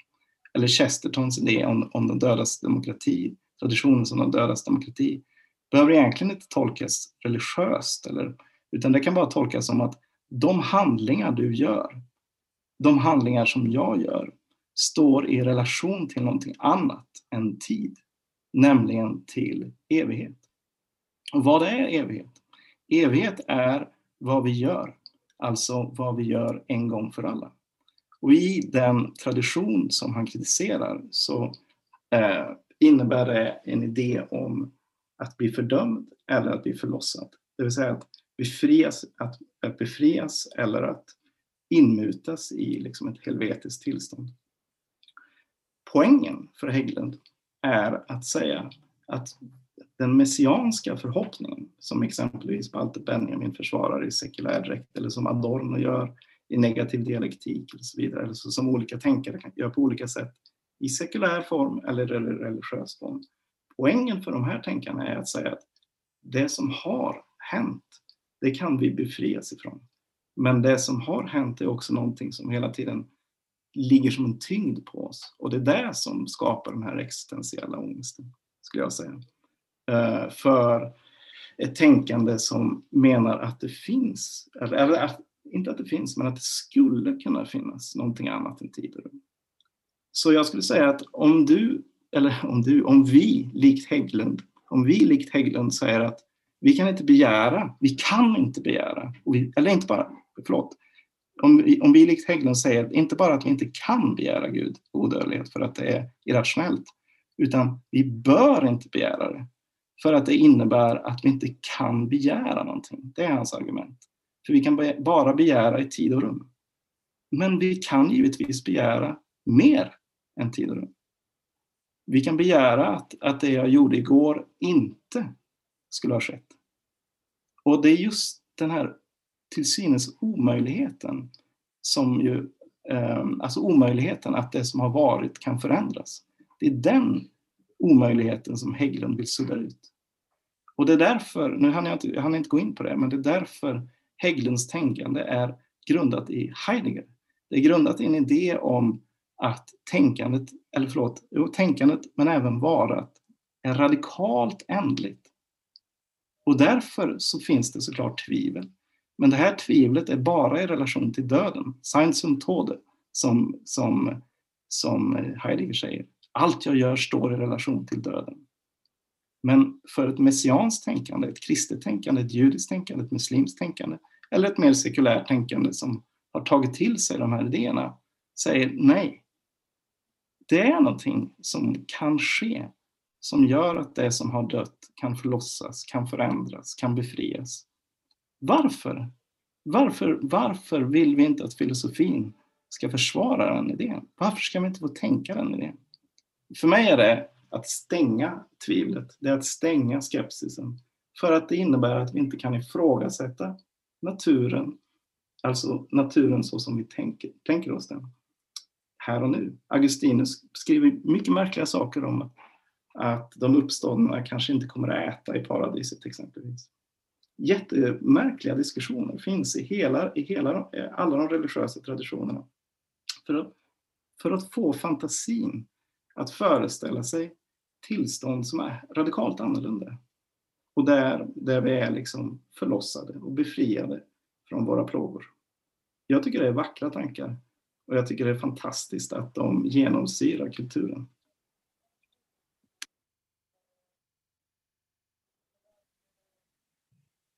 Det blir intressant i vilken mån de här, den här fantasin kan så att säga inspirera till förändring här? För där, där verkar det finnas två möjliga spår så att säga. Att man antingen då att det bara blir en så att säga eh, verklighet eller en, en liksom istället för den här världen så, så finns den här andra alternativa verkligheten. Men det finns ju också en möjlighet då att just för att tänka annorlunda så kan det inspirera till, till förändring så att säga av, av den här världen. Precis. Det är liksom inte en slump att staten av Platon avslutas med en teori om odödlighet. Alltså en politisk teori som avslutas med en teori om odödlighet för att påminna medborgarna i staten att allt de gör, gör de i relation till evighet. Alltså idén om evighet har ju ingenting med, det har absolut på ett sätt med att relativisera vårt liv. Det vill säga att se vårt liv utifrån evighetens synvinkel som Spinoza skulle säga. Man, man kan komma ihåg det att alltså Hägglunds perspektiv kan inte heller acceptera Spinozas evighet eller Giordano Brunos evighet, alltså mer tankar om liksom att naturen är evig eller något sånt. Eller Aristoteles idé om evighet. All form av evighet måste bort. Det är liksom Heideggers radikala ändlighet. Det är grund, grundpremissen. Det, och det är så lustigt för liksom en vänstertänkare. Eh, men det är liksom det det bygger på. Eh, Annars, är, annars liksom håller, håller inte systemet. Eh, men eh, men e, odödlighet och evigt liv handlar givetvis inte om att säga att det vi gör här och nu inte spelar någon roll. Det innebär ju tvärtom att allt vi gör här och nu har evig betydelse. Det är precis tvärtom. Det är det som är liksom Augustinus ångest. Kommer han, eller kommer de, de han älskar, hamna i himlen? Eller kommer de hamna i helvetet? Det är därför han utvecklar en teori om, om han säger uttryckligen som, ja, som är, är liksom kyrkan, den synliga kyrkan, räcker det med dopet för att komma till himlen? Nej, antagligen inte. Eh, och, och, frågan är då liksom vilka, som, vilka som är räddade, vilka som liksom är in, inkluderade av den här kärleken. Så att det är, som tankarna om evigt liv har ju alltid handlat om, om eh, det här livet. Det finns en fantastiskt bra text av Hans Kelsen, en tysk juristen som skrev i Österrikes författning eh, om, eh, om politik och odödlighet. Han går igenom liksom, antika och mer moderna idéer om, om odödlighet och hur de har strukturerat det här livet. Odödlighetsidéer har alltid handlat om det här livet, det här livet. I relation till ett annat liv. Eller en snabb fråga bara. Ja. Eh, du talar om Heidegger, att han är väl extremt ändlig, hans filosofi är extremt ändlig och så. Men jag tänker bara rent allmänt. Är det inte ett allmänt drag, det här antimetafysiska, som har kommit in? Eh, är det inte något som ligger i tiden liksom från flera håll, om man säger? Jo, såklart. Eh, eller jag skulle säga det. Att det är ju en Um, det är ju, ja, jo, jo. Vad det beror på kan man ju diskutera. Men det beror ju förstås också på vad man menar med metafysik och så.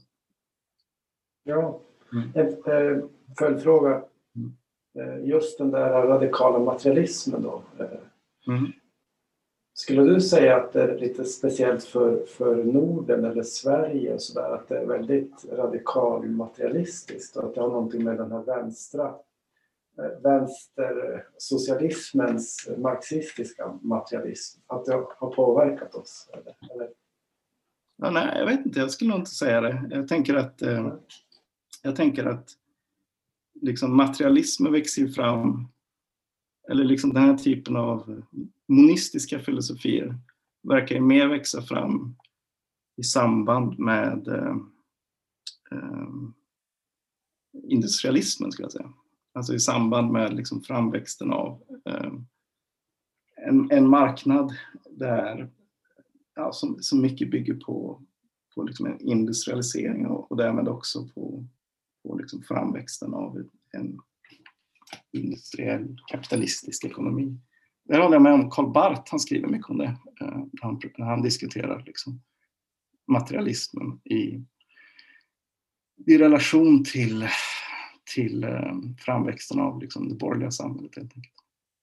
Men däremot så är det såklart att, att eh, arbetarrörelsen har ju varit religionskritisk eh, och arbetarrörelsen har ju varit, eh, har liksom omfamnat mm, liksom, ja, jag menar Feuerbach exempelvis och, och förstås Marx religionskritik och sådär. Och det är ju den, det är den typen av eh, religionskritik som ju eh, Hägglund återgår till. Men det är lite lustigt för att i This Life så arbetar han mycket med en, en judisk eh, marxist som heter Moish Poston som, som liksom läser Marx mer som att liksom, som läser Marx eh, senare och ekonomikritik som en kritik av arbetarrörelsen faktiskt. Han menar då att den traditionella marxismen har liksom läst Marx som en tänkare som tänker sig liksom att arbetet ska övervinna kapitalet, att arbetarklassen ska ta makten och sådär. Och då menar Poston då menar att eh, en sene Marx kritik handlar om att ifrågasätta kategorier som arbete och så vidare. Det handlar om en, liksom en kritik utav, av arbetet i någon mening.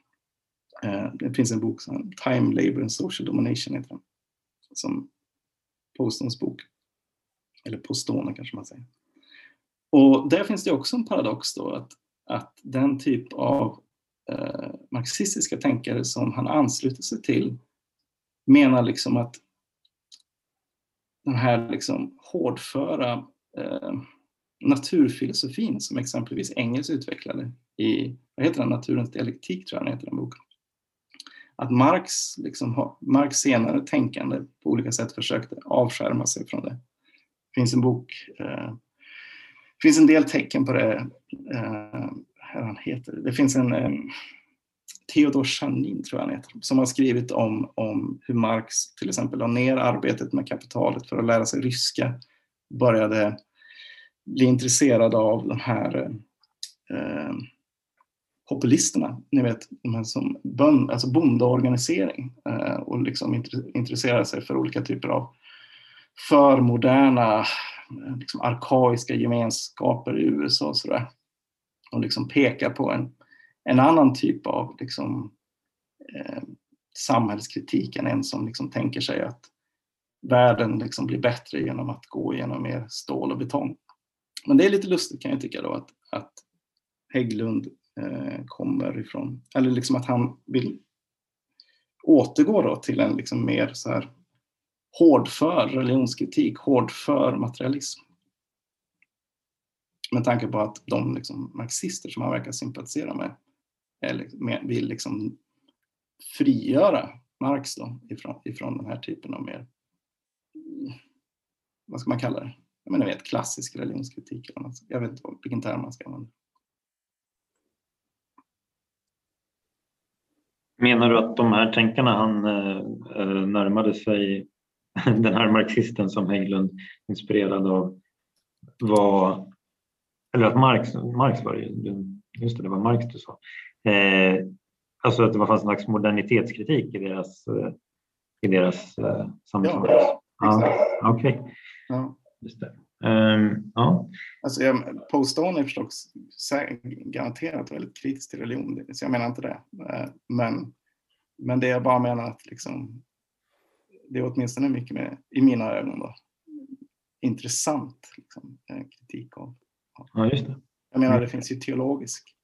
Karl Barth är ju liksom en av de som utvecklat, i mina ögon, kanske den mest intelligenta religionskritiken liksom, i, i sin kirchliga dogmatik. Mm. det finns ju också kritik av religionen från teologiskt håll. Mm. Ja, stort tack eh, Mårten för både föredraget och samtalet som följde.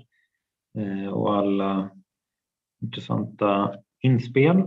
Eh, det blev, ja, känns nästan som man skulle ha en fortsättning på det men, men vi kan säkert ha anledning att bjuda in dig igen till mötesplats eftersom du har lite olika projekt på gång. Mm. Medvetande filosofi om jag förstod det rätt. Ja, precis. Mm. Mm. Precis, och det um, är ju ett ämne som som alltid är intressant. Ehm, är det något som du Mårten vill tillägga? Um... Nej, men jag kan säga att jag verkligen tycker att Radical Atheism är en väldigt bra bok. Uh, jätteintressant och spännande och som säger mycket om vår tid. Mm. Så även om jag liksom kanske var lite väl hård mot This Life så tycker jag verkligen att det är en, en liksom intressant bok. Men mm. jag, jag, tycker att det är synd att, att liksom diskussionen om liv, tid och evighet liksom domineras av helt enkelt en, en, en radikal oförmåga att, att eh, alltså total okunskap om, om vad, om till exempel vad evighet betyder i, i Nya Testamentet. Det betyder mm. alltså en ny, en ny tidsålder. Har ingenting med tidslöshet att göra. Gud är tidslös, men evigt liv är ett, ett liv i en ny tidsålder. Just det. Mm. Eh, din avhandling, är den, är den, eh, är den så att säga nedladdningsbar på nätet eller är den? Hur, uh, ja, hur hittar ja, man den? Man får, uh, jag har inte lagt upp den för att jag håller på att arbeta om den som ah. en bok för. Bloomsbury. Så det är någon man hittar på biblioteket kanske? Ja, men däremot så kan ni ju skriva till mig uh, om ni vill ha den så kan ni skriva till mig bara så skickar jag den som pdf. Ja, just det. det finns, eh, ja, just det. gör jag. Ja. Får man googla Mårten Björk då så hittar man ja. dig. Mm. Ja, precis. Mm. Så googlar ni Mårten Björk, Lunds universitet eller Oxford ja. så ja. borde ni få fram, hoppas jag. Ja, just det. Ja. Stort tack eh, Mårten och alla som kom och så är ni välkomna tillbaka den 8 mars då när det blir Joel Halldorf som föreläser. Um, tack för idag. Tack, tack alla som kom. Ja. Tack för att jag fick prata om ja. ja.